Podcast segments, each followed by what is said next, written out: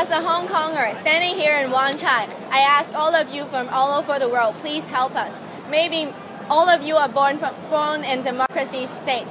You are you are born with democracy choices. You have free election right, but we don't.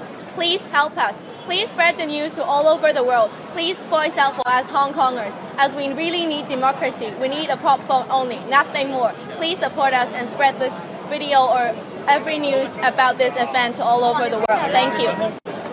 I 2014 nådde dette rop om hjelp fra den 17 år gamle aktivisten Glacier Kwong hundretusenvis av mennesker over hele verden. De kunne se en ung jente stå ute på gata på kveldstid. Rundt henne er 40, kanskje 50 personer samla. De prater eller kikker på telefonene sine. Jenta er kledd i svart, med et rødt skjerf, og hun ser inn i kamera med et stødig blikk. Hun ber alle som lever i et demokrati, om å følge med på hva som foregår i Hongkong, og spre budskapet videre. I dag, åtte år senere, er det klart at Glacier og hennes bevegelse, de fikk ikke det de ba om. I 1989 kjempa studenter i Beijing sin demokratikamp. 30 år senere gjør studenter i Hongkong det samme. Nå skal vi høre hvordan det gikk med Hongkong-borgernes rettigheter etter at den britiske kolonimakta slapp grepet i 1997, og hvordan slagmarken i det kinesiske kommunistpartiets kamp om historien på kort tid har utvida til et nytt territorium hvor man heller ikke skal kunne minnes massakren på Den himmelske freds plass. Vi skal høre hvordan minnesmerket for massakren, statuen Pillar of Shame, ble for hard kost for universitetet i Hongkong, og hvorfor en lignende statue har funnet veien til Norge.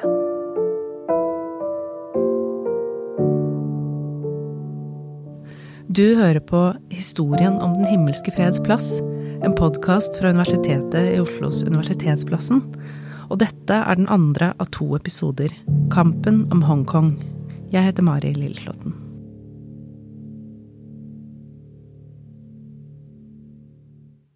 I forrige episode hørte vi at demonstrasjonene for demokrati, som gjennom flere måneder hadde utvikla seg til en politisk festival på Beijings paradeplass Den himmelske freds plass, endte i en tragedie, da militæret rykka inn med tanks og soldater skjøt mange, ingen vet hvor mange, demonstranter den 4. juni 1989. Det ble fort lagt lokk på. Ingen skulle snakke om dette i Kina. Den gangen satt sju millioner innbyggere i Hongkong og fulgte hendelsene. De visste at bare åtte år seinere, i 1997, skulle det kinesiske kommunistpartiet, som var ansvarlige for massakren, også bli deres ledere. Men først skulle de nyte frihet og selvstyre i 50 år.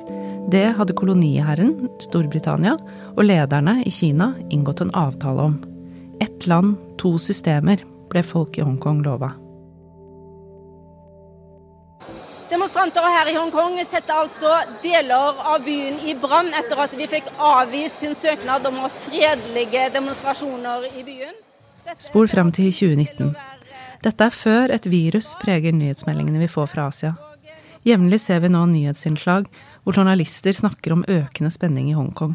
Over bilder av mørke gater hvor biler eller bygninger står i brann, eller av maskerte demonstranter som søker ly for tåregass ispedd bilder av politifolk eller en streng kvinne med smale briller og drakt, Hongkongs leder Carrie Lam.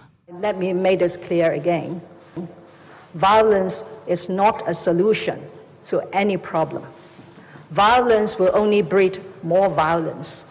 And at the end of the day, the whole of Hong Kong and the people will suffer. Det pågår i månedsvis, og mange frykter en gjentagelse av responsen på Den himmelske freds plass. Men hva er det egentlig demonstrantene vil, og hvorfor eskalerer det sånn? The older generations of Hong Kong still seem, see themselves as Chinese, but for my generation, we see ourselves more as Hong Kongers. Chang Kling Kwang, eller Glacier som hun kalles av venner og presenterer seg som, er 25 år gammel. Hun har vært aktivist siden hun var 15, og er spesielt opptatt av personvern og rettigheter på nettet. Det var henne du hørte i starten av episoden, hun var dypt involvert i paraplyrevolusjonen, som er navnet demokratibevegelsen i 2014 har fått. Det er mange av de samme som protesterte i 2014 og 2019. En fellesnevner er at de er unge. Mange er studenter. Når jeg snakker med Glacier på Zoom, sitter hun på hjemmekontoret sitt i Hamburg i Tyskland. Hun tar en pause fra arbeidet med doktorgraden hun skriver, om personvern og digitale rettigheter, for å fortelle om demokratikampen som hun nå deltar i fra selvpålagt eksil. Selv om det er et stort alvor i historiene Glacier forteller, smiler hun gjennom skjermen. Den gangen Glacier ble politisk aktiv, prega fortellingen om Den himmelske freds plass innstillingen hun hadde til kinesiske myndigheter. Because we're facing the same thing. And I think that kind of shaped my identity and kind of shaped my approach to fighting for rights in Hong Kong because I don't feel like negotiation would work. The students uh, in 1989, they were very much calm and peaceful. They were only engaging in hunger strike and they're willing to engage in negotiations. But those things didn't work out and they get cracked down on and many people died. So of course, we, we shouldn't resort to radical means right away. I don't think negotiations should be the only way that we were going for. And I, it's quite unfortunate to see that that's kind of right right now. Like judging by what's happening in Hong Kong, we see that oh, Beijing is actually not going to show any lenience to Hong Kong.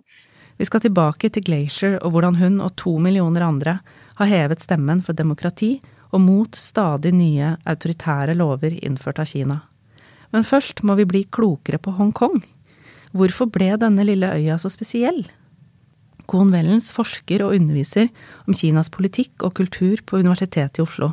For å forklare Hongkongs posisjon i dag går han tilbake til det tidspunktet da det ble en britisk koloni etter en smertefull byttehandel. Jeg tror det er et godt sted å starte, fordi altså, det var virkelig ingenting før det ble en britisk koloni. Det var en, Hongkong selv er en ø, uh, og det var ikke mye mer enn et par fiskerlandsbyer, og det var det. Så Historien som en koloni henger veldig sammen med noe som heter opiumskrigene på 1840-tallet. Hvor England, Stor Storbritannia på det tidspunkt var i gang med å utvikle seg som en sterk handelsnasjon. Og ville drive med handel uh, med Kina, og hadde en underskudd på handelsbalanse uh, med Kina. Uh, fordi England har kjøpt te en masse fra Kina, og det var britene ikke så fornøyd med. Så de fant på noe godt, og det var å selge opium til kineserne. Kineserne var ikke spesielt fornøyde med å se at opiumsavhengigheten spredde seg over hele Kina, og prøvde å sette en stopper for det, og de kasta britene ut fra Guangzhou, et viktig handelssentrum helt sør i Kina. Det kunne britene ikke akseptere, og gikk i krig med På det tidspunktet var det Qing-dynastiet, det siste keiserdynastiet i Kina. Kina kan vi si, tapte en krig, og som betaling uh, fikk de Hongkong som koloni uh, i 1842. Men det var ikke mye å gå efter for britene. Uh, men da hadde de uh, fotfeste, fordi Hongkong ligger veldig tett på Guangzhou, som var en av de viktigste handelsbyer på det tidspunkt. Og de bygde ut Hongkong som et uh, sterkt handelssentrum for å drive handel med Kina. At Kina tapte del av sitt territorium til en vestlig imperialistisk stat som Storbritannia, var en stor ydmykelse.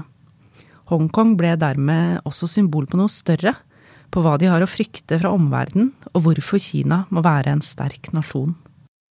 Ja, og i, i den sammenheng blir historie brukt for hva man kan bruke den til. Altså Man snakker ustenselig om 150 års med ydmykelse uh, i Kinas historie.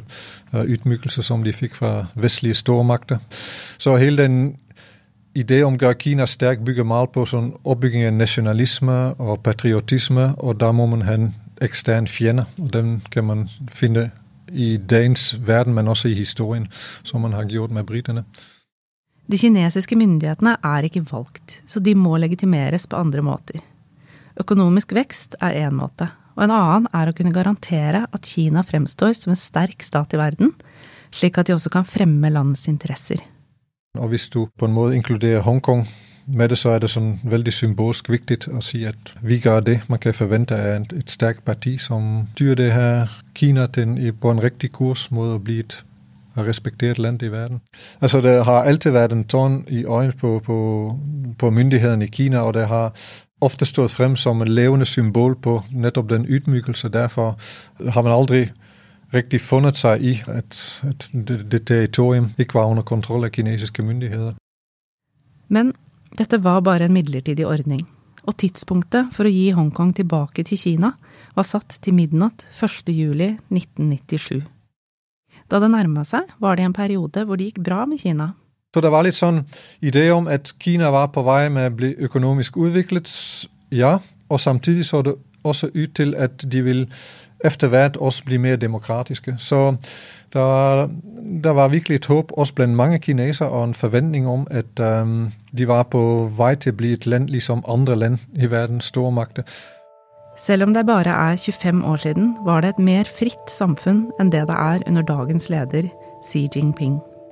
Og i den kontekst tror jeg i hvert fall at mange Hongkong-kinesere ikke så det ut som så farlig å, å bli en del av den store, det store riket som Kina var ved å bli, og i hvert fall uh, viktig økonomisk stormakt. Og så skal det sies samtidig også at i den avtale som ble underskrevet mellom de to, så det også ut til som de vil få større demokratiske rettigheter som de hadde under britene. Jeg tror mange var nokså optimistiske at det her det kunne kun bli bedre. Avtalen ble underskrevet av britiske og kinesiske myndigheter. Den sier at i 50 år, altså frem til 2047, skal Kina og Hongkong være ett land med to systemer. Forsvar og utenriks skulle være Kinas domene, alt annet kunne Hongkong selv bestemme. I det hele tatt så det lovende ut. Det var bare én hake. Den kinesiske folkekongressen, som består utelukkende av det kinesiske kommunistpartiet, skulle ha tolkningsrett på loven.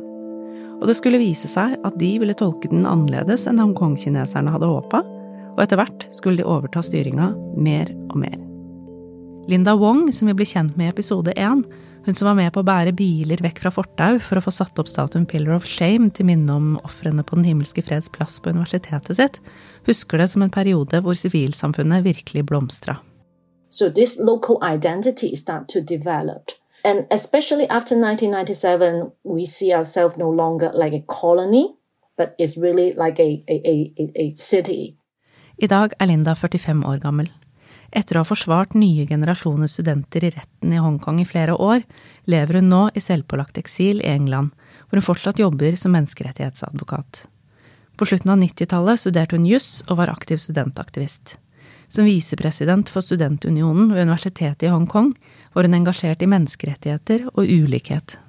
From 1997 to 2007, this 10 year, we, we see this um, growth of the civil societies and also this uh, awareness um, of the general public to to to their rights, to their interests in, in, in this city. And it is not just about earning money, but other more important values freedom, uh, rule of law, um, um, interests of those uh, who are the powerless. So all these things.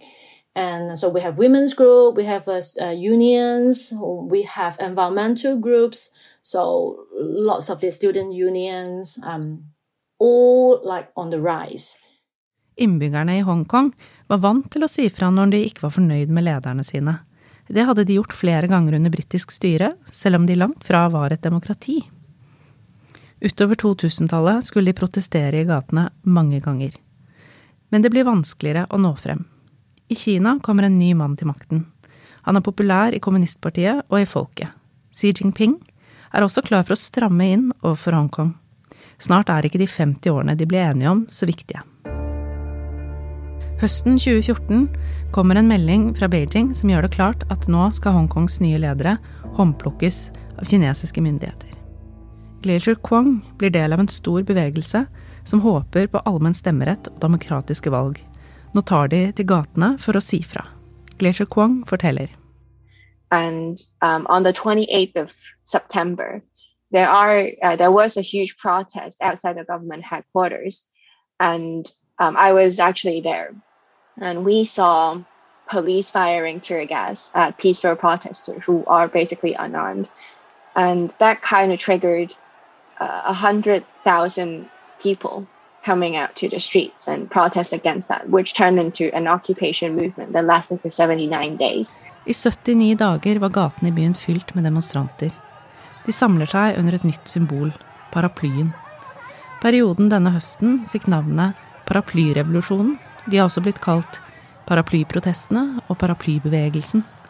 Fram til dette hadde folkelige protester nådd frem, men nå var det altså slutt på det. Denne dagen ble ungdom i gatene møtt av politi med tåregasspatroner. Dette var første gang politiet i Hongkong brukte tåregass mot egen befolkning. I 1989 var det et bilde av en spinkel mann med handleposer foran en lang rekke tanks som ble ikonisk. I 2014 var det særlig ett bilde som gikk viralt på internett. En mann med paraply og munnbind som står i en stor sky av tåregass. Our generation was born with the internet. We grew up with the internet. So it becomes our second nature. De unge demonstrantene i Hongkong hadde et våpen de ikke hadde i 1989, nemlig sosiale medier. first of all, we are all very addicted to social media at the time already. and so it when like even if I had ice cream, I have to like share it on Instagram or on Facebook. So it makes perfect sense when I see something that's so huge, like uh, an occupation movement that's happening in Hong Kong. Of course, I'm going to share it on social media. Glacier mener de var heldige, for de kunne nå ut raskt. We can just hit the live button, and then everyone from the world can see what's happening in Hong Kong. And that's make it much more easy for us to get the word out about what's happening in Hong Kong. But at the same time, because there are so many things happening in the world at the same time, everybody is easily distracted. And it's become a huge challenge, not only in 2014, but even now, to make sure that people keep their focus on Hong Kong. Like having hashtag, having people flooding Twitter or flooding Facebook about uh, with information about Hong Kong. These are the things that we do. Glacier bruker mye tid i Mongkok og Causeway Bay, områdene som er okkupert av demonstranter denne høsten. Også til vanlig myldrer det med folk her, Mongkok er kjent som det stedet i verden med mest aktivitet og flest folk på minst plass. Men nå ble Glacier kjent med andre aktivister, hun lærte det hun trengte for å unngå å skade seg eller bli arrestert, og hun trodde de ville oppnå fremskritt med kampen, men hun fikk også se politiets håndtering på nært hold. I was at a first aid station trying to help those who were being sprayed with pepper spray because it kind of stings and you have to help them like wash it away in the right direction or else get all over them and it's going to be worse. And i was doing that and then suddenly someone yelled about seeing uh, a flag that's being raised and said watch out tear gas. And then the next thing i saw is and then we started all we all started running away from the direction when we saw the flag. Glacier og de andre må løpe fra førstehjelpsteltet når noen varsler dem om mer tåregass. And I think around a few minutes later, I saw a tear gas, a tear gas bullet quite like actually hit the first aid station that we were at just now. And I was furious. Like I couldn't make sense of why they're doing it to us. Like we're not doing anything that's that's problematic. We were peaceful. We were just there protesting for what we believe in. And we're not even armed. But they're using tear gas against us. And there were so many people on the street. And if some like if someone panicked or if something went wrong, like people could have been like seriously injured and even or, or died. Politiet kunne ha skada Glacier og de andre demonstrantene. Dette gjorde at hun mista tilliten til politiet og egne myndigheter. I just couldn't understand why they're doing that to us. And that, that, like at that moment, all these questions just became very overwhelming, and you became very emotional because you were basically terrified at the same time. And it all turned into a very sharp anger that I was feeling. That I, I actually cried on the street, feeling very frustrated.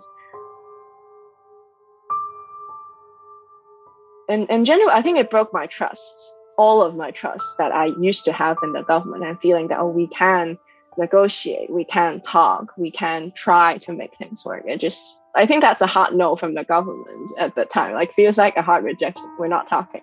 You're just to do as we told told, we're to hurt you. That's how I felt.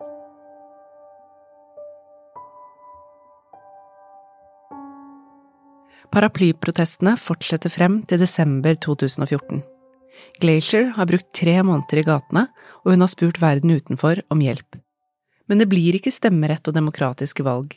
Tvert imot skal Hongkong nå bli enda tydeligere styrt av Beijing. Glacier begynner å miste motet.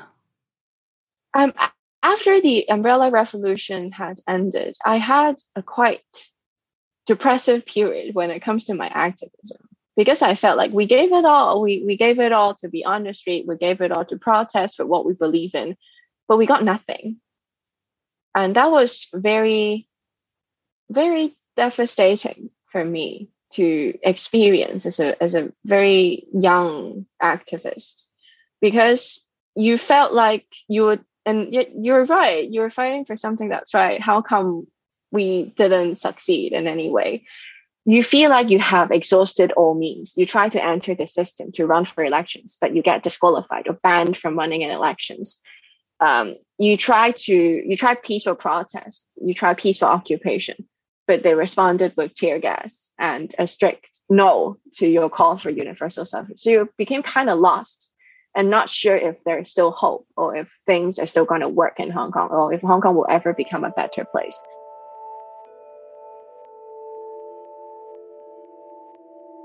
Årene går. I februar 2019 kommer nok en melding fra myndighetene. De vil innføre en lov som gjør at mistenkte kriminelle kan utleveres til bl.a. Kina.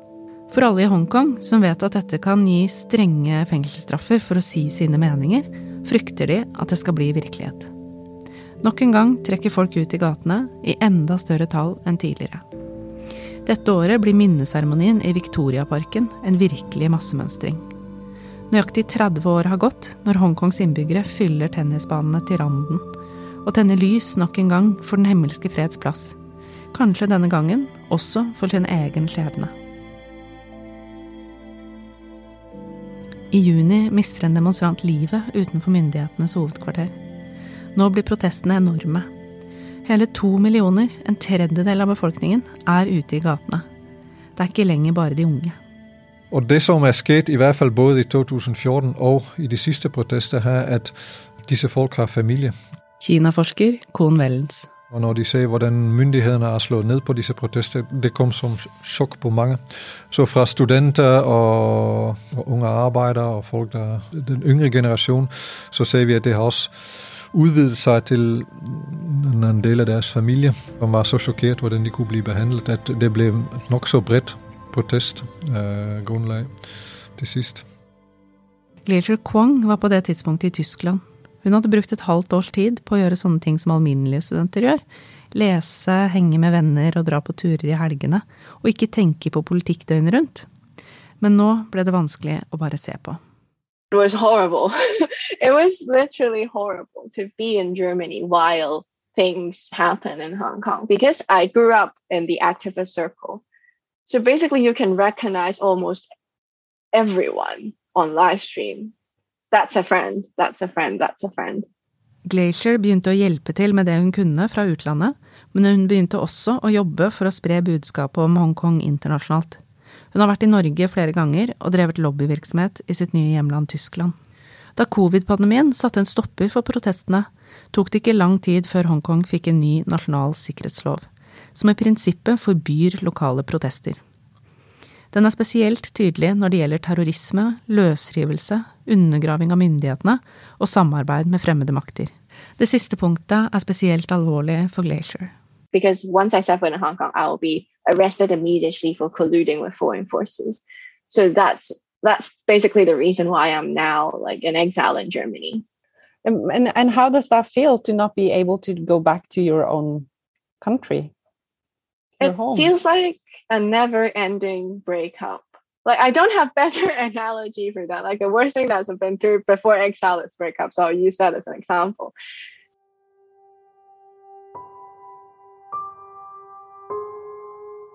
Ifølge den nye sikkerhetsloven er minnemarkeringer om massakren på Den himmelske freds plass forbudt. Pillar of Shame, den åtte meter høye statuen Linda Wong fikk kjempet inn på universitetet i Hongkong, og som snart har stått der i 25 år, er også en direkte påminner om massakren. Det ser mørkt ut for minnesmerket. Og bitte lille julaften 2021 blir Pillar of Shame fjerna i løpet av noen mørke nattetimer. Linda it was removed on my birthday. I think I would never forget it. That day exactly is my birthday, 22nd of December. Linda får høre at statuen blir fjernet av sikkerhetsgrunner og av juridiske råd. But of course, these are very general, vague reason.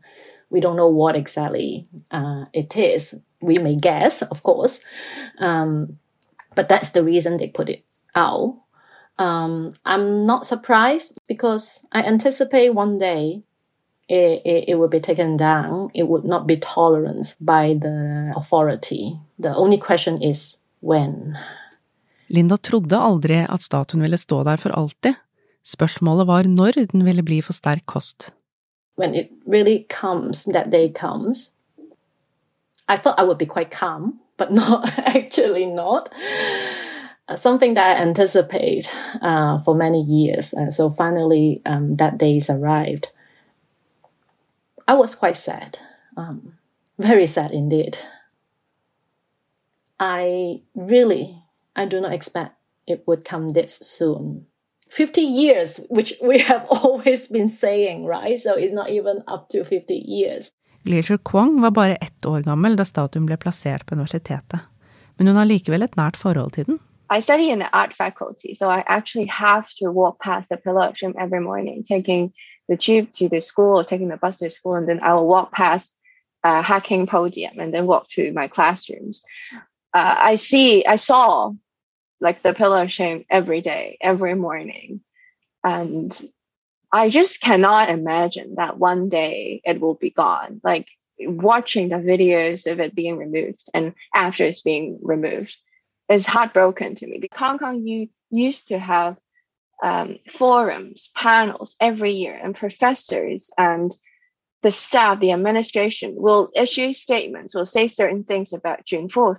But now they just pretend nothing ever happened and then they re- remove the thing in the campus that reminding everybody what's happening. And they do it in such a dodgy and shady way. Like in midnight, you suddenly drop curtains around a pillar of shame and then remove it and then tell no one. It just exceeds my um, imagination of what Hong Kong is capable of in, in shady ways. And it's just a, such a disappointment for me.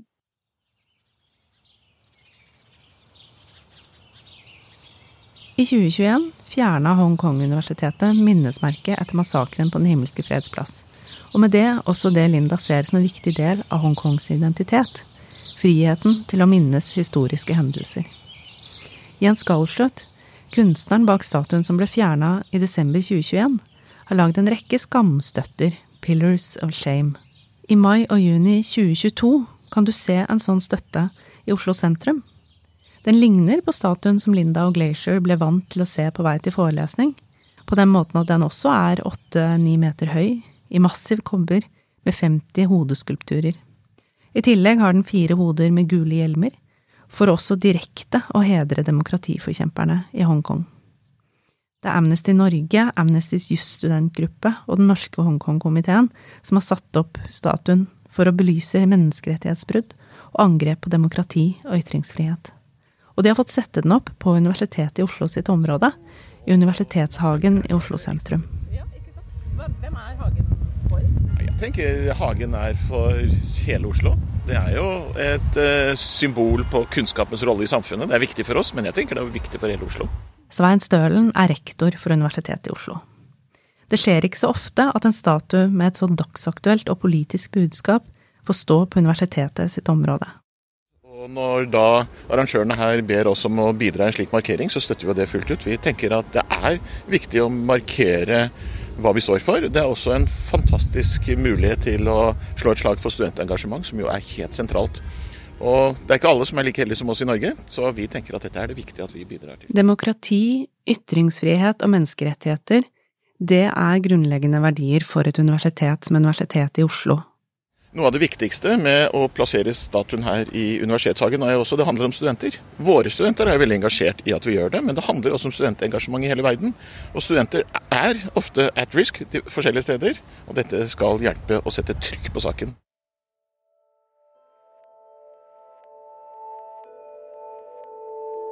Hongkongs protester har stoppa opp. Minnemarkeringene er det slutt på. Mange av demonstrantene er på vei ut av landet eller er i fengsel. Og statuen som skulle minne nye generasjoner studenter på historien, er borte. Så hva skjer nå? I mai fikk Hongkong en ny leder.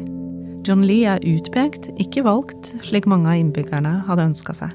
Det er ikke så lovende at han overtar.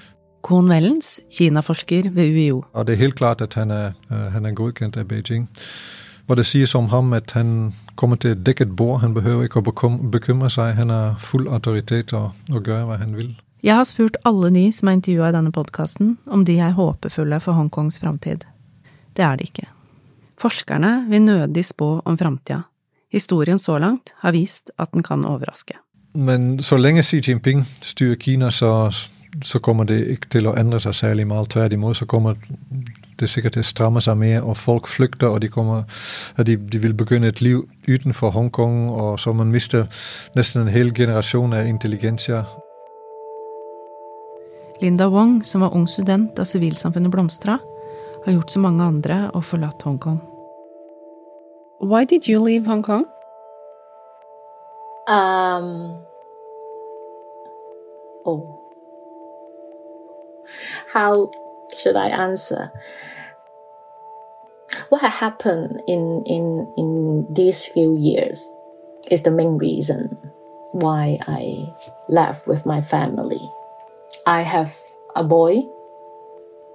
I don't think he could have a good environment in Hong Kong for him to grow if he's still there. So he's the main reason that I think we should leave. But there are also other reasons um, which make me um, having to make a very difficult decision. But do you want to return to, to Hong Kong? Of course, of course. Um, it's my hometown.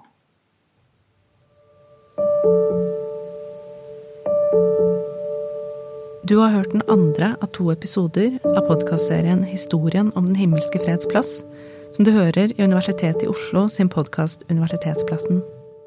Du har hørt Kohn Wellens, førsteamanuensis i Kinastudier, og i forrige episode hørte du Halvor Eifring, som er professor i Kinastudier. De er del av et større fagmiljø innenfor Kinastudier, som forsker og underviser om Kinas kultur, politikk, språk og internasjonale forbindelser på Universitetet i Oslo. Du har hørt Glacier Kwong, som var student ved universitetet i Hongkong, og en aktiv deltaker i den såkalte paraplyrevolusjonen i 2014, og som de siste årene har drevet sin aktivisme fra Tyskland. Du har også hørt Linda Wong, som på slutten av 90-tallet var visepresident for Studentunionen ved universitetet i Hongkong. I dag er hun advokat og jobber med menneskerettigheter i England. Du har hørt klipp fra nrk.no og fra YouTube-kanalene til South China Morning Post, Hong Kong Free Press, BBC og Kanal Curara. Musikken er fra Epidemic Sound. Takk til Heidi Østbø Haugen for viktige faglige bidrag og hjelp med research. I tillegg til intervjuer og researchsamtaler med forskere ved UiO, er det du har hørt også basert på boka Vigil Hong Kong on the Brink av historiker Jeffrey Wasselstrom og The People's Republic of Amnesia av Louisa Lim. Sindre Leganger fra Svarttrost Produksjoner har vært konsulent for episodene. Podkasten er laget av meg, Mari Lilleslåtten, fra Det humanistiske fakultet ved Universitetet i Oslo.